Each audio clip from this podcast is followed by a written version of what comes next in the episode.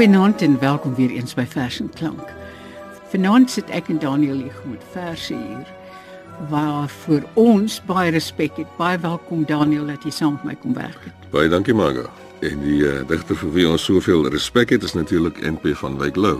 Die verse wat ek vanaand gekies het, kom uit 'n bloemlesing uit Lou se werk. Dit is saamgestel deur sy seun Pieter Lou die mooiste van van Wyk Lou. Nou dit het al 'n hele paar jaar gelede verskyn en die boek is heel waarskynlik al uitdruk.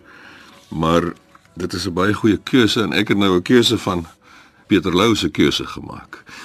En Pieter Lou sê in sy voorwoord dat in hierdie eh, bloemlesing gaan dit veral oor goeie gedigte wat tot die hart en die sintuie spreek eerder as tot die suiwer verstandelike.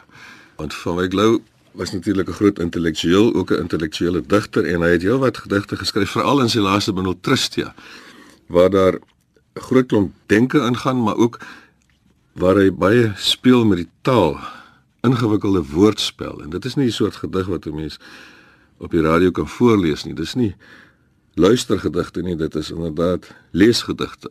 Gedigte vir die oog, nie vir die oor nie sodat jy dit dalk weer 'n keer kan bekyk. Presies ja. Ja, ja. ja. ja. En waarmee gaan ons begin? Met die baie bekende gedig Grense uit sy debuutbundel wat verskyn het in 1935. Die titel van daardie bundel is Alleenspraak. Grense. My naakte siel wil sonder skrome in alle eenvoud tot jou gaan soos hy diepe slaap ons drome, soos teen skemerlig die bome opryk na die bloue maan. Gaan met al sy donker wense en die heilige nooit gehoorde dinge sê waarvoor die mense huiwer en wat om die grense flikker van my duister woorde. Dit was dan nou grense uit Pieter Lou se versameling van sy pa se gedigte. Die volgende gedig wat jy vir ons gaan lees is Dennebosse. Ja, Dennebosse is 'n pragtige impressionistiese natuurbeskrywing en dit gaan waarskynlik oor die dennebosse teen die hang van Tafelberg want NP van Wyk Lou het sedert die 30er jare die 1930s in Kaapstad gewoon. Blou see van denne teen die hang tot op die blanke horison die verste toppe eil word in opaal van hoë lug en son. 'n blou nabye heiligheid wat tussen see en hemel staan waaroor die groot mistieke dans van vreemde stille wolke gaan. Dis vir my so mooi gedig. En dit is interessant dat hy soveel natuurgedigte geskryf het terwyl hy uh, emosioneel baie betrokke was by die gemeenskap om hom. Ja, ja, beslis kyk hy was 'n groot nasionalis geweest 'n liberale nasionalis het hy homself genoem daarom. En uh, hy was baie bekommerd oor Afrikaans en oor die Afrikaner, dit is inderdaad so. Maar hy was nie net 'n studeerkamer filosoof, 'n leunstoel geleerde nie. Hy het dikwels uitgekom in die natuur en baie skerp natuurwaarnemings gemaak en pragtig verwoord. Ja, ja. Nagliedjie. Die liefdesverse is daarom ook baie spesiaal. Ja, en van my glo twee soorte liefdesverse geskryf, die soort volkse liefdesvers soos wat nagliedjie is of dan nou nie heeltemal volks nie maar dan eenvoudiger of romanties en dan ook heeltemal intellektuele liefdesverse soos in Tristia. Vernuftige liefdesverse verse wat tot die verstand spreek en wat uit die verstand kom as dit ware. Nagliedjie. Vannag in hierdie helder stilte dink ek net aan jou. Treur ek soos die wilger oor die watere van my rou. Jy is soos 'n ster vir my, ver en stil en rein. En my siel, die donker water waar jou beeld inskyn. Ag man, dis baie mooi. As iemand dit tog nou vir my geskryf het, dan was ek nie vanaand hier by julle nie. Een van van my glouse bekendste gedigte is sekerlik Vroeg herfs uit die reeks Vier gebede by jaargetye in die Boland. Wil jy nie vir ons vroeg herfs lees nie. Hmm, ek kan probeer. Die jaar word ryp in goue akkerblare, in wingerd wat verbruin en witter lug wat daglank van die nuwe wind en klare son deurspoel word.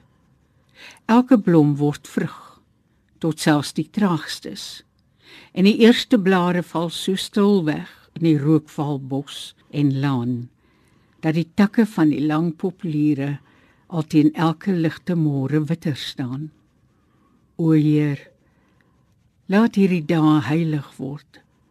Laat alles val wat pronk en sieraad was of enkel jeug en ver was van die pyn. Laat ryp word, Heer. Laat u wind waai. Laat stort my waan tot al die hoogheid eindelik vas en nakend uit my teerder jeug verskyn.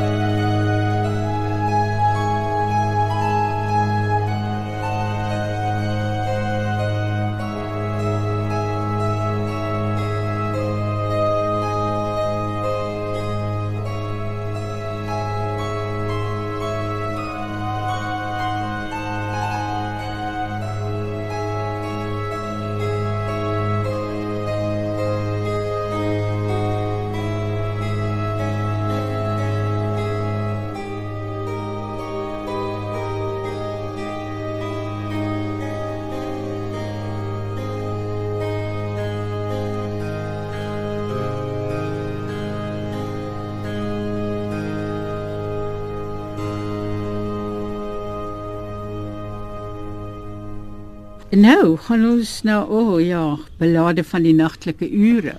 Dis jou beurt. ja, dis my beurt, seker meer 'n manlike gedig mm -hmm. as 'n vroulike vers. Belade van die nagtelike ure. Ons liefde het uitgeblom tussen 11uur en kwart oor 2. Hier sit ek onder die dagbreek, half nugter en verlê op koel stoeptreetjies eers waar ek 'n blink waterkraan sien in die ure van die donker dors tussen 12 uur en smorens om 10. Om 11 uur was jou liggaam die honger en dors in my. As jou skewe papierkalot ver deur die danssaal gly. Om 12 uur was jy 'n ligte brug, 'n hoë gevaarlike gang bo my klein verwildering tussen pyn en sterwe gehang. Om 1 uur was jou hare vir my vingers 'n bose stryk en jou lyf so swart stil water en jou asem soos 'n snik. En nou het die môre my oor die rand van sy glas gemors. Op die stoep by die kraan wat blink in die uur van die donker dors. Ek weet nie hoekom nie, maar die vers ehm um, laat my glimlag.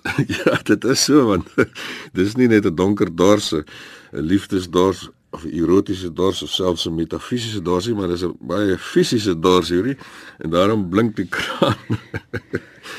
en hy sit daar in 'n tyd vroegoggend voordat die kroeg oopgaan, so hy sal hom nou eintlik met lawe aan helder water voordat hy weer na die kroeg kan gaan. Daniel, maar die ervaring wat jy nou beskryf ken ek glad nie.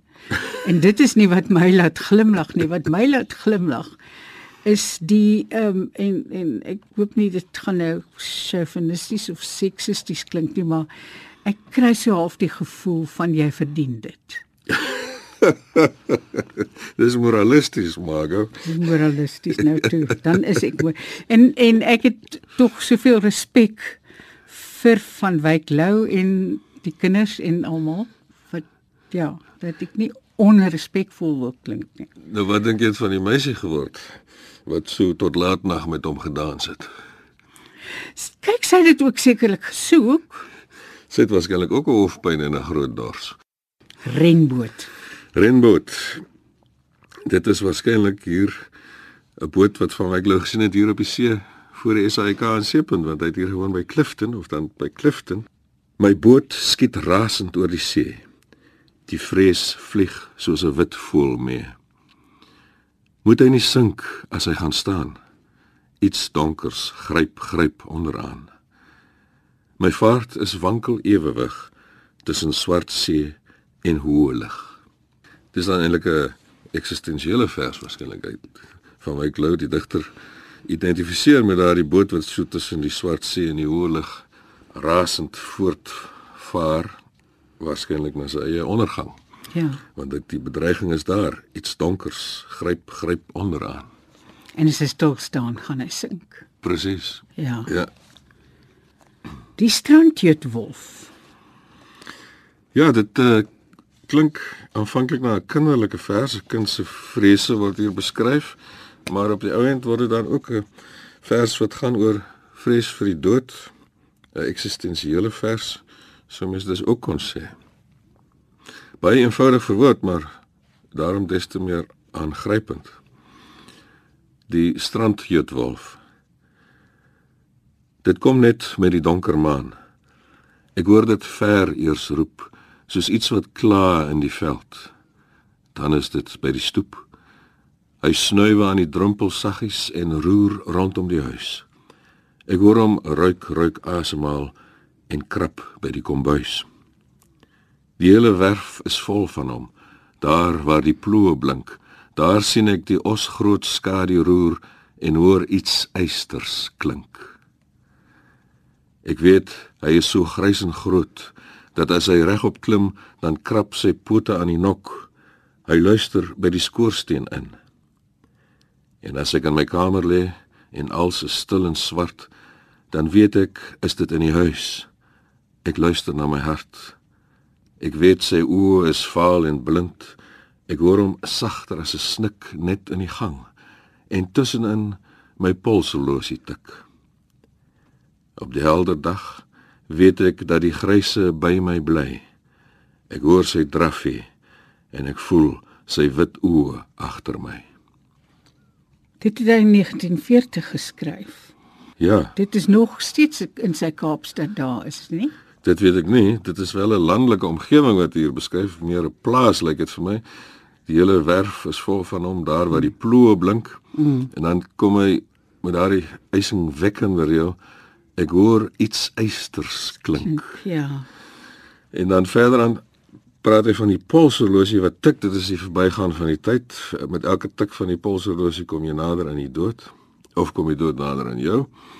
En let wel, polshorlosie, dis nie 'n ganghorlosie of 'n staanhorlosie nie. Dit is 'n ding wat ook die hele tyd by hom is. Nog eenmal wil ek in die skemeraand weer op ons dorp en by ons dorpsdam staan. Weer met my rek op in die donker skiet en luister en al word ek seerend dof hoe die klein klippie ver weg in die riet uitdonker in die donker water plof. Sekoevlei. Sekoevlei. In hierdie gedig uh word eintlik twee landskappe beskryf. Die eerste is die Sekoevlei hier in Kaapstad of buite Kaapstad.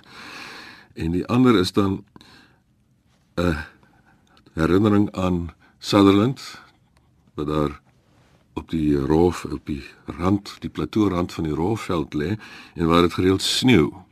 So die wat hy sien hier by Sekoevlei in Kaapstad herinner hom aan wat hy ervaar het as kind daar in die roofveld.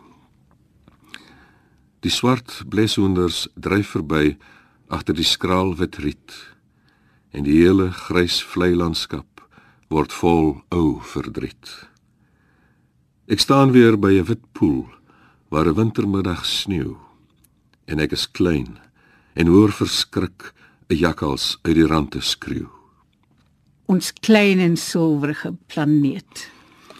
Ja, ehm um, van Wyk Lou se versreels en frases van hom word dikwels gebruik as titels vir boeke en veral vir digbundels. En hierdie reël ons klein en silwerige planeet is gebruik deur Johan Lodewyk Maree vir 'n bloemlesing met ekologiese verse, groen gedigte. Ons klein en silwerige planeet is ryker as die gode wet. Die koring is 'n heuningssel waaruit die goue aarde wel. Die wingerd is 'n sooigeel bron wat uit die erts prut na die son. Ek sny die brood en drink die wyn en hou my hart van gode rein. Een van jou gunsteling verse is suiwer wiskunde. Dit is inderdaad so. Uh, dit is nie 'n nuwe gedagte nie. Naamlik wat sal gebeur as die tyd gaan staan of as die aarde ophou draai? Maar van Wyklou formuleer dit so geweldig treffend dat dit een van die ja, ook een van die klassieke verse in Afrikaans is. Ook hier, die eerste frase hier van die eerste versdeel het 'n titel van 'n boek geword, Marie Hesse, Die uurwerk kantel. Suiwer wiskunde die uurwerk kantel en die ligbruin by hang roerloos voor die blom wat nooit bevrug word nooit sal saad skiet welk en nooit verby hierdie versterde uur sal groei die lug het stil soos ys gaan staan so wit en blou die brander wat wou oorbuig val en skuim bly in sy ligte sirkels vasgehou en moet sy see 'n ewigheid versuim? Ek weet dit is een van die vrae wat niemand wil beantwoord nie want daar is 700 antwoorde daarvoor maar as ek so iets sien dan wonder ek hoe lank dit hy hierdie klanke en hierdie woorde het tog nie almal binne minute verskyn nie. Ja? ek het eendag 'n voorbeeld gemaak oor van my glou en opnames uit die radio se klankargief gekry en daar sê hy ek dink hy het gepraat oor die ontstaan van Raka en het gesê as 'n versreels nie maklik kom nie as 'n digter daar ure en dae lank moet sit en swoeg oor 'n reël of 'n woord of 'n beeld of 'n rym dan moet dit liewer los. Ah. so vra my dit waarskynlik maklik gekom ja. En nou die buiteltjie. Ek het gevra dat ek dit moet lees. Asseblief die buiteltjie. Ek kry 'n klein klein buiteltjie. Ek tik hom en hy klink. Toe slyp ek en ek slyp hom totdat hy klink en blink. Ek sit 'n klippie op 'n rots. Mens moet jou vergewis, 'n buitel moet kan klip breek as hy 'n buitel is. Ek slaat hom met my buiteltjie en die was sterk genoeg. Daar spring die klippie stukkend, so skoon soos langs 'n voeg. Toe onder my 10 vingers bars die grys rotsmiddel deur. En langs my voete voel ek die sagte aarde skeur. Die donker naad loop deur my land en kloof hom wortel toe. So moet 'n bytel slaan wat bytel is of hoe. Dan met twee goue afgronde val die planeet aan twee en oor die kraanse kokend verdwyn die vlak groen see. En op die dag sien ek die nag daar ander kant gaan oop met 'n bars wat van my buitel af dwars deur die sterre loop.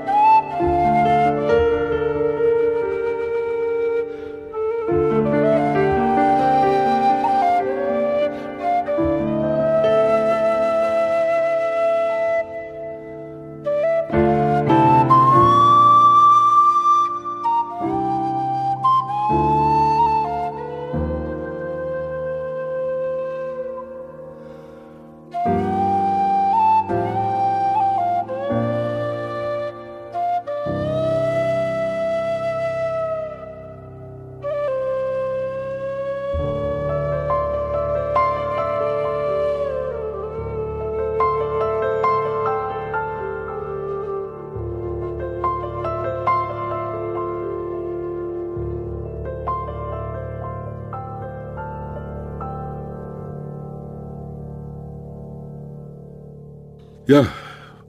Dit lyk asof van Wyk eintlik net klassieke bekende gedigte geskryf het. Hier is nog so eene. Karoo dorp someraand. En die Karoo dorp was Beaufort Wes. Dit staan in die manuskrip van die bundel waaruit dit kom, het hy aan die kantlyn geskryf Beaufort Wes. Die laatmiddag het room geword en treine wat ver fluit en 'n wit bont klaas skawagter wat wag hou op 'n kluit. En rook uit die lokasie rook en by die dorpsdam sing en mense in tennisbroekies loop die koperskemer in. Deur op die nasionale pad loop motortjies onhoorbaar hoog. Oom Appie slagkraal se ou fiets kom staan van self moeg voor die oog. Dan Toli met die kanker kom sit op die boardinghuis se stoep. Vanaand gaan hoor ons nog hoe sy die Here en die uile roep. Dan die laaste gedig kom uit Tristia van NP van Wyk Lou en dis 'n gedig wat selde gehoor word, soms in bloemlesings staan, maar ek dink dit is 'n gedig wat ewe bekend behoort te word of te wees as Karoo dorp someraand. Die wind in die baai het gaan lê. En rondom het dit oor houtbaai, oor kampsbaai en by seepunt wit koppe bly waai. Maar in die baai het die wind gaan lê. Alles wil toegesluit lyk, byna veilig. En 'n seun het in 'n blikskuitjie uit, sakdoek verseil, sonder vletter, plankies vir roeiers, dit uitgewaag. Want die wind oor die baai het gaan lê.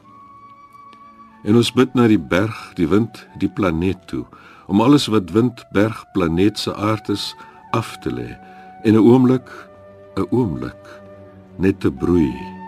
Broei oor die vrees vir die vrees en die ongewete roei van die seun in hierdie kort stilte binne die baai.